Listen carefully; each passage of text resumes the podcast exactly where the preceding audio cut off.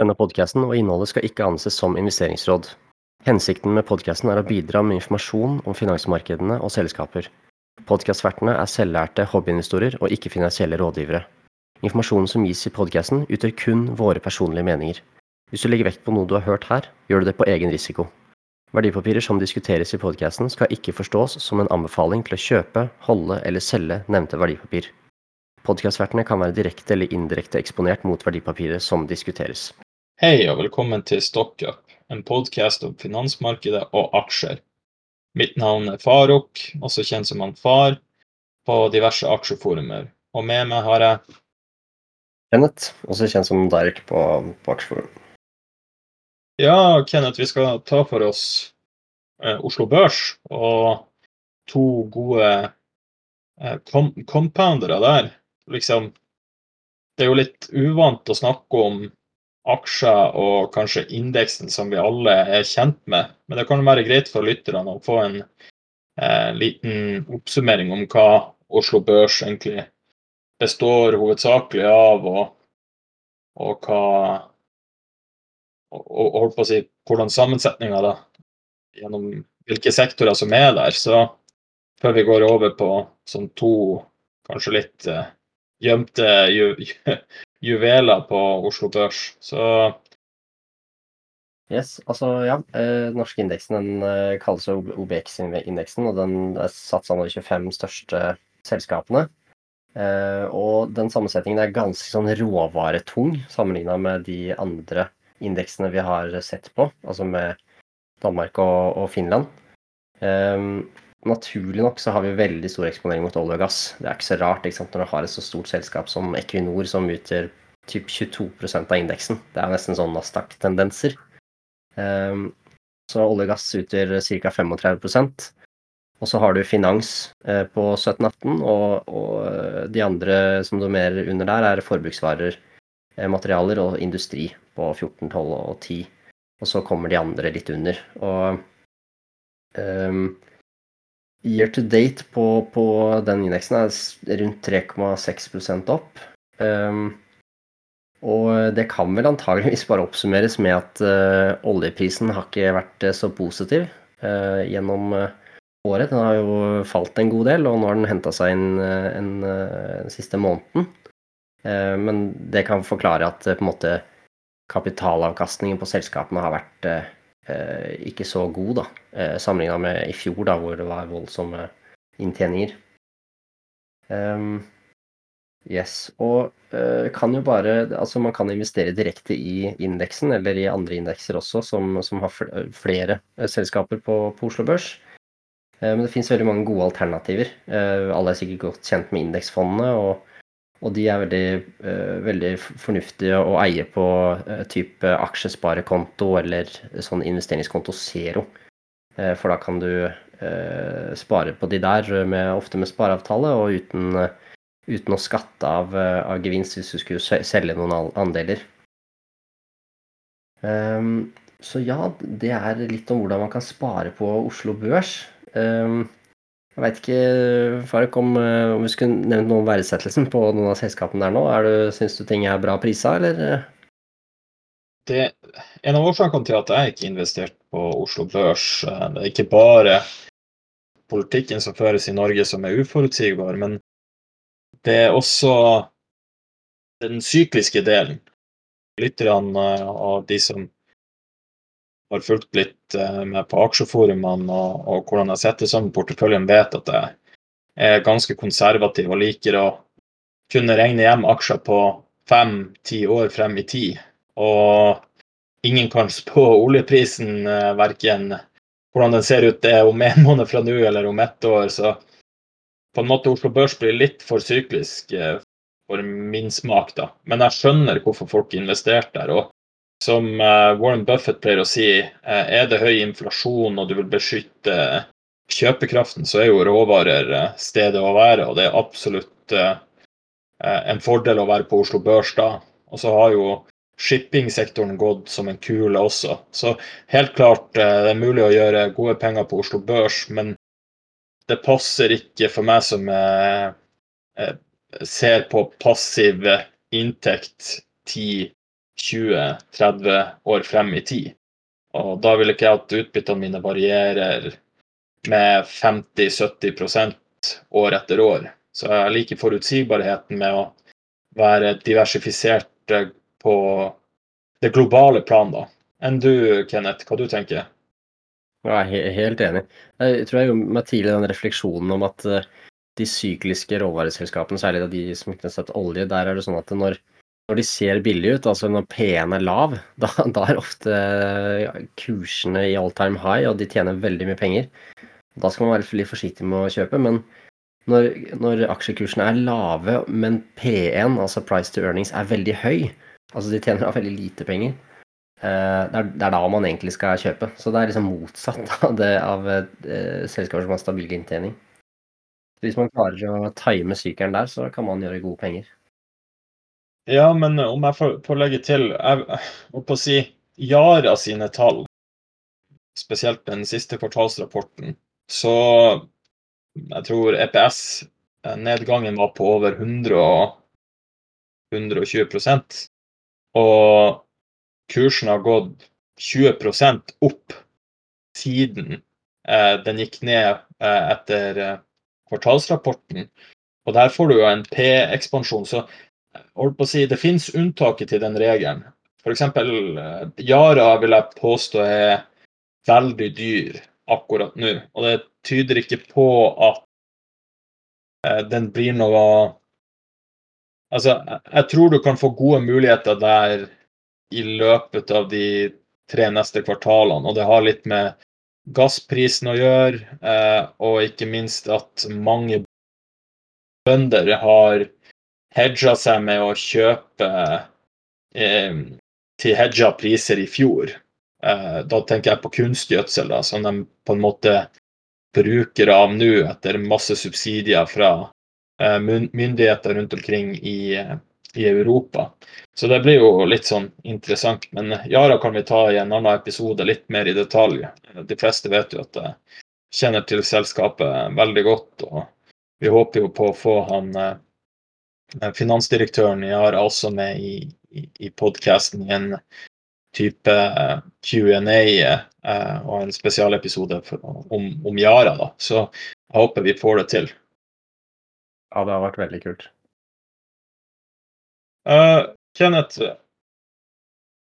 hvilket selskap har du valgt å, å liksom eh, snakke om? Uh? Ja, det er en, en favoritt på, på, discorden vår. Det er Kitron ASA. Som er et veldig, ja, veldig interessant det er, Man kan si at det er en slags skjult juvel, egentlig. Den har ja, historisk gjort det ekstremt bra. Så det er et veldig spennende selskap da, innenfor teknologisektoren. Eh, det du skal se på, er vel også innenfor teknologi, er det det? Man kan kalle, kalle det tech, da. Det er Bouvet, et sånt uh, konsulent-software-firma. Veldig mye interessant, og jeg har tatt mye lærdom av å ta et uh, dypere dykk i, i, i, den aksjen der. Så jeg gleder meg til å, å dele litt uh, mine funn der. For det finnes faktisk veldig gode selskaper her i Norge. Jeg, igjen, jeg vil påpeke jeg, Det kan høres ut som at både jeg og deg er negativ til eh, Norge og norske selskaper, men det er, altså, det er ikke tilfellet. Men uh, det er mer at det ikke passer vår investeringsstrategi, rett og slett. Men her er det to eh, veldig flotte selskaper vi skal gå igjennom. Og jeg tenker eh, du får æren av å eh, begynne. For mange har gjort eh, både to- og tregangeren eh, på, på Kitron eh, ut ifra det jeg har lest på Discord. Absolutt. Absolutt. Ok, så dette er da Kitron. De uh, har tikkeren KIT, er uh, notert på Oslo Børs og har uh, i dag en markedsverdi på ca. 7,6 milliarder kroner. De omsatte i 2022 da, for 6,5 milliarder. Eh, de har i 2023 endret rapportering fra NOK til euro. Men for gjennomgangen her så tenker vi å bare kjøre, kjøre NOK-tallene eh, på det siste oppdaterte.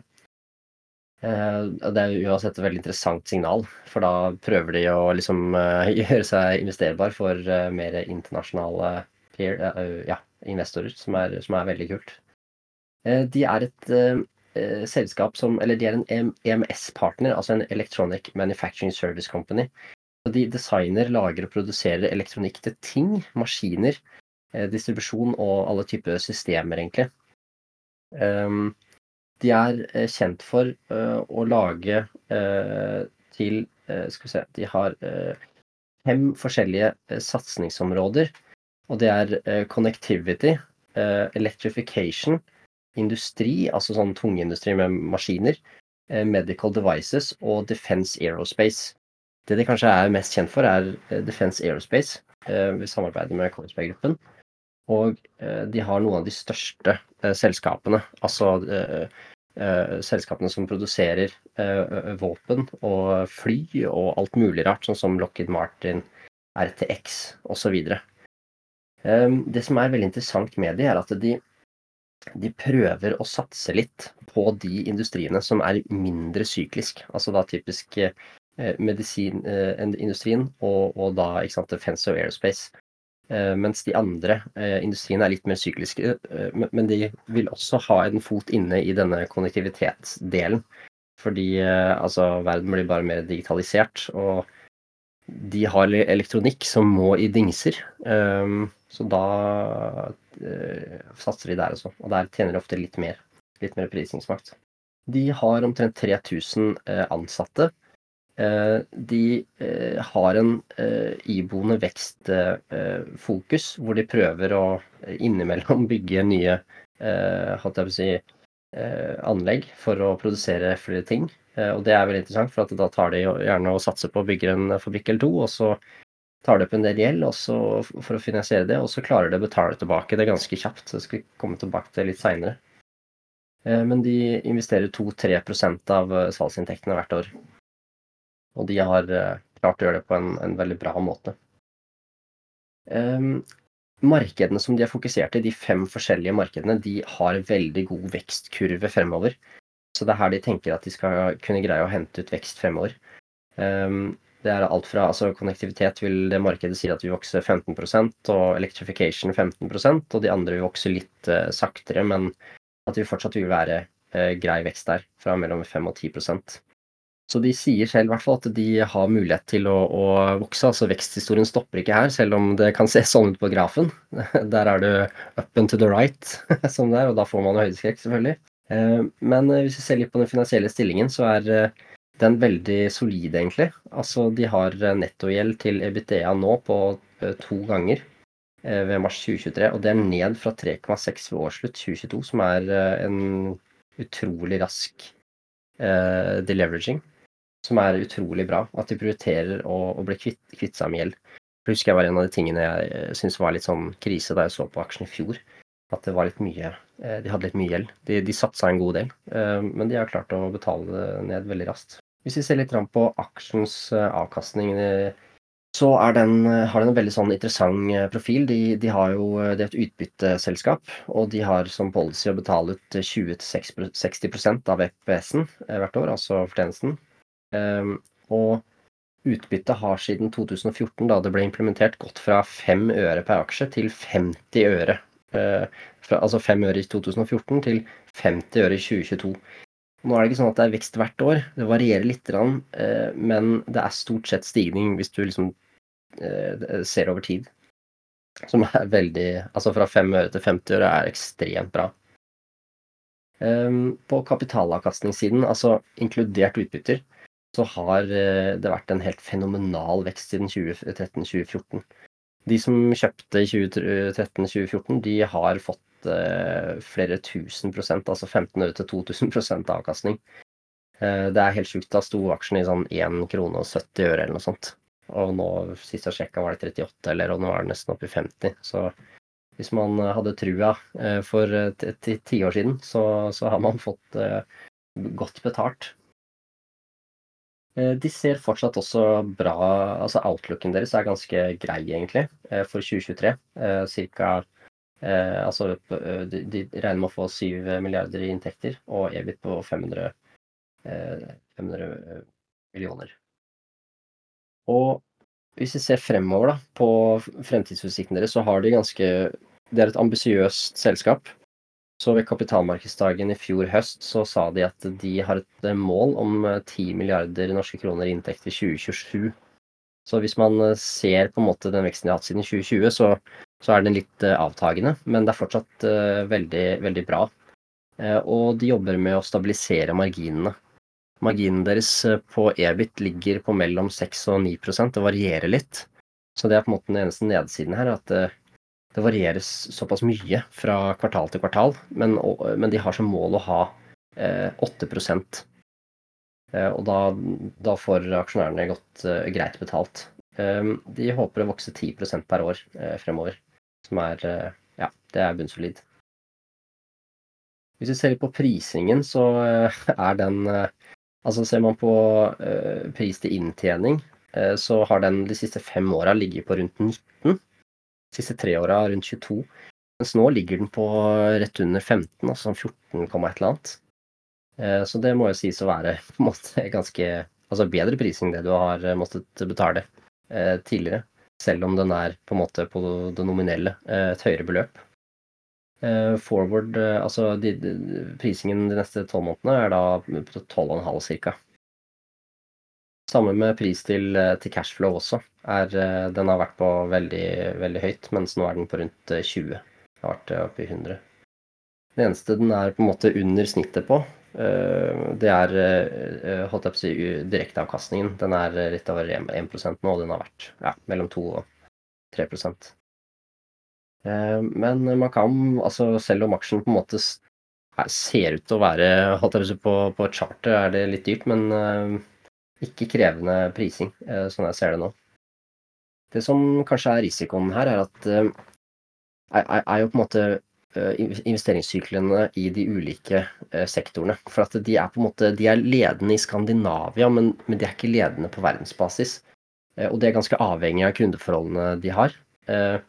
Så, og, og, mange av de kontraktene som, er, som de har som er veldig langvarige, særlig innenfor aerospace and defense, og det problemet som er, er at det er veldig langvarige kontrakter med liksom uavklart volum, men volumet kan være veldig stort. Men de har ikke noe særlig eh, prisjusteringsmekanismer i de kontraktene. Sånn at der kan det bli litt eh, dårlige marginer hvis eh, inflasjonen, altså hvis deres innsatsfaktorvarer går veldig mye opp, eller de ikke klarer å manage supply chainen sin, så kan det bli krevende. Det har de sagt også, at det har vært litt sånn problematisk. Ehm, så det er kanskje det eneste som er eh, litt sånn eh, haken her, er det at de, de generelt sett ikke har liksom den beste fritidsmakten. Men jeg tror de tar ganske mye det igjen på innovasjon, for at eh, de har både på en måte hyllevarer, men de har også integrerte systemer. Altså de, de lager typisk en Eldings som skal inn i et større system for en helt spesifikk kunde, og da er det ofte bedre marginer der. Så de kan nok, eh, hvis de priser seg, har, har god prisingsstrategi, så kan dette her gå greit. Og de har jo virkelig klart at de Altså klart å skape economy og scale, altså at de har skalert opp veldig lønnsomt. Um, og det fokuserer de veldig mye på. Holde kostnadene lave. Uh, investere klokt. Uh, og, og, gå etter volumet. Så styrkene til selskapet er at de, de, de er litt posisjonert Litt på samme måte som Kongsberg Gruppen, med at hvis det Altså geopolitikk, uro i verden, er på en måte en positiv. Eh, men det blir litt offset, da, for da kan det bli mindre investeringer i andre ting. Men eh, de er ledende på, på, produktene i Norden, og hvis de greier å ekspandere geografisk, sånn som de holder på med, så kan dette bli en eh, god veksthistorie fremover. De har en annen styrke at de satser nå på mer resesjonssikre industrier. Så det som er styrken med det, er at eh, ledelsen virker til å være fokusert på det som er til beste for selskapet, og at de, de bygger opp eh, rundt de resesjonssikre industriene og har fokuset der. Og det tror jeg kanskje er veldig klokt i den eh, tida vi er inne nå. Ehm, når det gjelder skalerbarheten til forretningsmodellen, så virker det som de har veldig god kontroll på den, og de sier selv at de ikke har noen store hindre for den veksten de, de kan ta, mener de. Eh, så, så, det er jo veldig interessant. Det i hvert fall eh, viser at det er en offensiv holdning, og det er noe man liker. Så greier de å fortsette med det, så kan dette bli en veldig sånn fin historie videre også. Ikke bare en, noe som hadde vært bra. veldig bra, veldig bra, Kenneth. Jeg skjønner hvorfor folk eh, liker Kitron, og det virker som at det er en veldig god compounder. Og som du sier, eh, selv om en aksje er på altså, Nå har den fått en liten eh, pullback siste måneden, men det betyr ikke at selv om den er på høye nivåer på et chart, at aksjen er nødvendigvis dyrt. Og det syns jeg at du tok, tok frem veldig bra. Så det jeg også så på noen Jeg så på noen nøkkeltall på Kitron nå mens du eh, la frem eh, tallene til Kitron. Og price to sales er under én, som også indikerer på at uh, aksjen er billig. Og det er også på det billigste nivået eh, siden IPO, ser jeg. Mm. Ja, stemmer. Så, så, det er også et fint parameter å bruke når det er litt sånn flere parametere som taler til fordel for Kitron. Eh, har du noe interesse for å kjøpe Kitron sjøl, eller? Eh, ja, jeg tror kanskje at uh, sønnen min Odin skal, skal kjøpe Kitron. For han har ganske lang tid, og det her kan bli skikkelig bra. Artig. Artig. Veldig bra. Det blir spennende. Uh, da var det Bouvet som var neste på blokka. Og jeg skal advare lytterne at uh, Bouvet hadde jeg ingen kjennskap til tidligere, og jeg er ikke noe sånn IT-guru, men uh, dere får prøve å, å, å, å liksom uh, være tålmodig med meg når jeg prøver å forklare det tekniske her. Men først så kan vi starte med litt sånn, litt sånn generelt, generelt om Bouvet.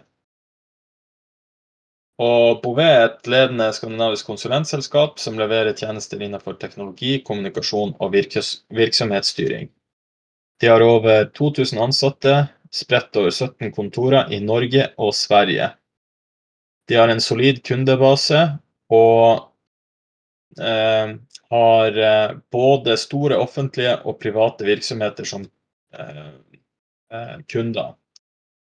Eh, Bouvet ble, ble, til gjennom en fusjon av eh, Mandator AS og Cell Network AS i 2001, like etter dotcom-bobla sprakk. De tok navnet Cell Network, og i 2002 så kjøpte et investeringsselskap 100% av aksjene, og deretter eh, endra de navnet til Bouvet. I 2010 havna Bouvet på Oslo Børs hovedlisten, de leverer tjenester til et bredt spekter av selskaper. Jeg vet ikke med deg og lytterne, men jeg elsker iskrem. Og spesielt i varmen som har vært, så, så falt det veldig i smak å, å lese at uh, Henny Olsen er en storkunde til Bouvet. Uh, Bouvet leverer sanntidsanalyser av iskremproduksjon. Og så tenker man hva i all verden uh, skal Henny Olsen med det? Men Henny Olsen har faktisk hatt eh, store utfordringer med å produsere rett antall, og har liksom statistikk på hvor langt man har kommet i produksjonen. Og så har det vært en del kvalitetsavvik som har ført til økt matsvinn og redusert inntjening for eh, det selskapet. Og for å illustrere viktigheten med Bouvet, så er det verdt å nevne at Henny Olsen alene omsetter for 1 milliarder kroner i året. De produserer 34 millioner liter is. Så det Bouvet gjorde, var å utvikle en løsning hvor det innhenter dataordre og nøkkeltall fra IT-systemene til Henny Olsen, og setter sammen eh, det her med OT-data fra sensorer og maskiner knytta til produksjonslinjer fra fabrikkene.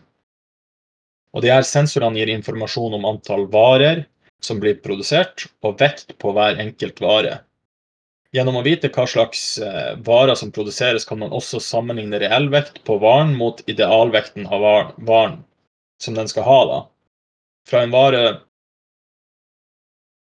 produseres, eh, så får Bouvet eh, sine, sine, holdt på å si, programmer en oversikt i samtid.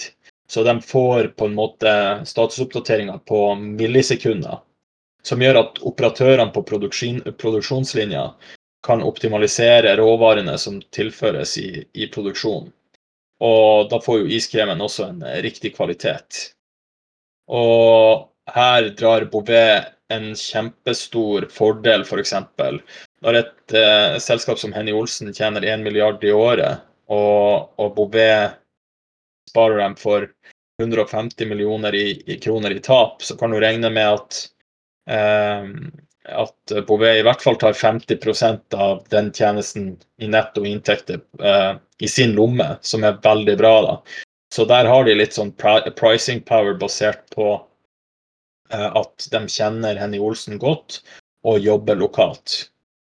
Eh, et annet stort eh, selskap som bruker Bouvet som som bruker Bouvet sine tjenester, er Norsk Hydro. Og der har man Bouvet hatt fokus på industriell digitalisering.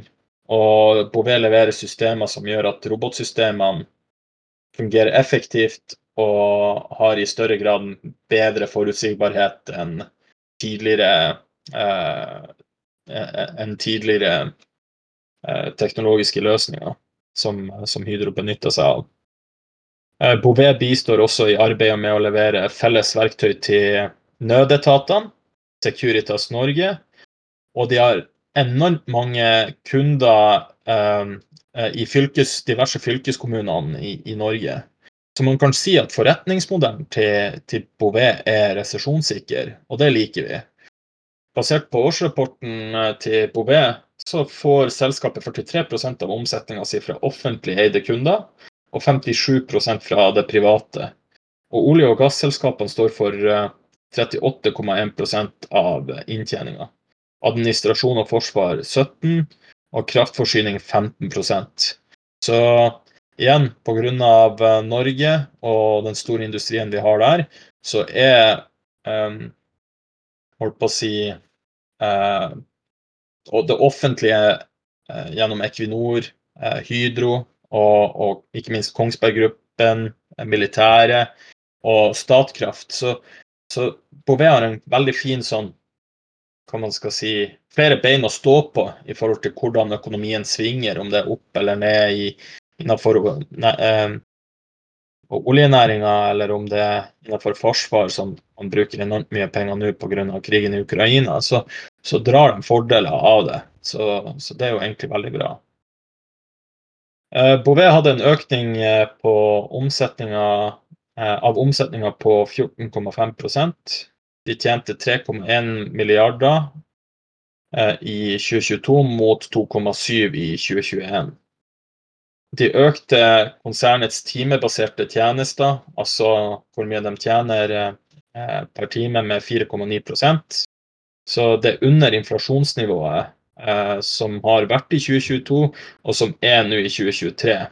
Eh, hadde de samtidig en kostnadsøkning på 14 prosent kontra året før, så marginene er litt under press her. Konsernets egenkapital utgjorde på balansedagen 457 millioner kroner, sammenlignet med 449 eh, året før. Altså, da sammenligner jeg 22 med, 2022 med 2021. Og i løpet av 2022 har Bouvet utbetalt utbytte til aksjonærene på til sammen 240 millioner kroner, og tilba eh, tilbakebetalt eh, overkurs til aksjonærene på til sammen 50,9 millioner kroner. Jeg så på eh, Q1-rapporten, for de rapporterer Q2 neste uke, tror jeg, om jeg ikke tar feil. Så viser rapporten at Q1-rapporten at de har økt prisene med 6,1% kontra 4,9 i 2022, som spisses opp av inflasjon. Samtidig så er sykefraværet til Bouvet ganske høyt, så jeg, på sånn der ESG-score. Eh, e 5,5 faktisk. Og eh, jeg skal ikke være holdt på å si generaliserende, men de har veldig stor andel kvinner som er borte på korttidssykefravær, så jeg på statistikken. Og det er jo heller ikke bra. Så Bouvet er ganske høyt oppe når det gjelder sykefravær ser du på de børsnoterte selskapene og sammenligner dem med, med, andre. Så det er et lite minus, da. En annen ting er som er negativt, da, er at de utsteder nye aksjer hvert eneste år. De har trykka nye aksjer på ca. 1 million i snitt hvert år. Bare fra 2021 til 2022 eh, så gikk antallet um, flytende aksjer fra 102,9 millioner til 103,8 millioner. Og det er jo ikke bra, fordi at din del av kaka blir mindre verdt. Altså, det kalles for stealth uh, Stealth, holdt på å si uh, Kompensering, da. For du som eksisterende aksjonær ser ikke det i kursen, men i prinsippet så har du mindre mindre mindre eierskap i det, det selskapet fordi at de trykker nye aksjer. da. Eh, et annet negativt moment med Bouvet er at det er lavt volum i dagsomsetninga eh, på aksjen, altså et par hundre tusen. Så det er vanskelig å komme seg inn og ut av aksjen. Så eh, har du på en måte sekssifra nuller og skal inn i det selskapet, så, det, så vil du drive kursen veldig høyt opp. Og samtidig, hvis du skal ned, så må du kanskje pushe kursen ned for å komme deg ut. Så det bør også folk ha i bakhodet. Så det var det litt på den negative siden. Og verdsettelsen til Bouvet har jeg kommet frem til er egentlig på fair value. Uh, PE-snittet siden 2014 er 19,6, og den handles til en P på akkurat over 19 i dag. Uh, den gilder 4,1% og har en payout ratio på 73% så det vil si at 73% av overskuddet deres eh, går til utbetaling av eh, utbytter. Det er litt høyt, så eh, utbytteveksten der eh, må følge earningsen. Så det er ikke gitt at du får en like, like god compound-effekt videre. Likevel så har de hatt imponerende EPS-vekst. De har i snitt en EPS-vekst på 25,2% siden 2014. Og de siste fire årene har den har den veksten ligget på 20 De har uh, ingen kredittvurderinger, og per dags dato så ligger profit margin på 10% Den har en dividend average growth rate, altså uh, utbytte, gjennomsnittlig utbyttevekst på 20,2% som er veldig, veldig bra, altså. Uh, så det er en god compounder på, på utbytte også, men det er viktig å ha i bakhodet at de senka utbyttet sitt fra 2014 til 2015, men har hatt solid vekst etter det. Så om det er fordi at de har økt payout-ratioen og, og, for å liksom krydre, krydre, det for aksjonærene, ja, det, det kan også ha en sammenheng, men, men, det er derfor jeg ikke liker den høye payout-ratioen. Uh, return on capital employed er på 9% som er litt på det lavere sjiktet. Der tror jeg mye av eh, sykefraværet kan ta skylda. For det her måler jo selskapets effektivitet, som tar hensyn til kapitalen som er blitt brukt for å oppnå fortjeneste. Så eh, holdt på å si Bouvet og den sektoren der, jeg har veldig lite kjennskap til hvordan det funker i, i detalj. Jeg, jeg, kan ikke forutse eh, liksom, hvordan cashflowen er to-tre år fra nå, fordi jeg har veldig lite kunnskap om det de driver med. Selv om det virker veldig, veldig bra, så, så er det vanskelig for meg å si hvordan EPS-veksten, altså inntjeninga deres, vil se ut. Så Derfor er ikke jeg en kjøper av denne aksjen, samtidig som at jeg ikke liker at man blir vanna ut som en eh, eksisterende aksjonær. Men det her eh, de tallene på, på, både utbyttevekst og EPS-vekst er rett og slett fantastisk. Og det er ytterst få selskaper på Oslo Børs som kan måle seg med både Bouvet og Kitron. Eh, jeg vil også avslutningsvis eh, si at Borregaard, Medisteam og det er veldig mange andre eh, flotte norske selskaper som ikke får så mye hype rundt seg i diverse finansmedier som folk kanskje bør ta en titt på også, som er også veldig flotte compoundere. Jeg tenker det, jeg synes det var veldig fin gjennomgang. Jeg tenker det viktige er å, å måte se utenfor trua si innimellom. Kikke på aksjer som, som man ikke normalt analyserer, for å forstå liksom hvordan ja, hvordan kan det funke, hvordan kan andre businessmodeller funke. Føler det er nyttig, da gjør man seg selv til en bedre investor. Helt klart. Og, og eh, som jeg nevnte i, litt tidligere når jeg snakka om Bouvet, det jeg liker med forretningsmodellen deres, er at de er resesjonssikre. Eh, staten og det offentlige bruker veldig mye penger, og, og tjenestene til Bouvet, spesielt når de har nødetatene som kunde, altså, de kommer aldri til å skrenke inn på pengebruk der. Og det er verdt å nevne under koronaåret, altså 2020, så hadde Bouvet en EPS-vekst på 33% Så eh, en trygg havn i litt sånn pandemitider, og, og, der man egentlig skal digitalisere mer. Så her kan det absolutt være rom for vekst, men, eh, men som sagt, jeg har ikke så, så godt kjennskap til, til den bransjen, da. Så det var det vi hadde for, uh, for denne gang med På gjensyn. Ha det bra.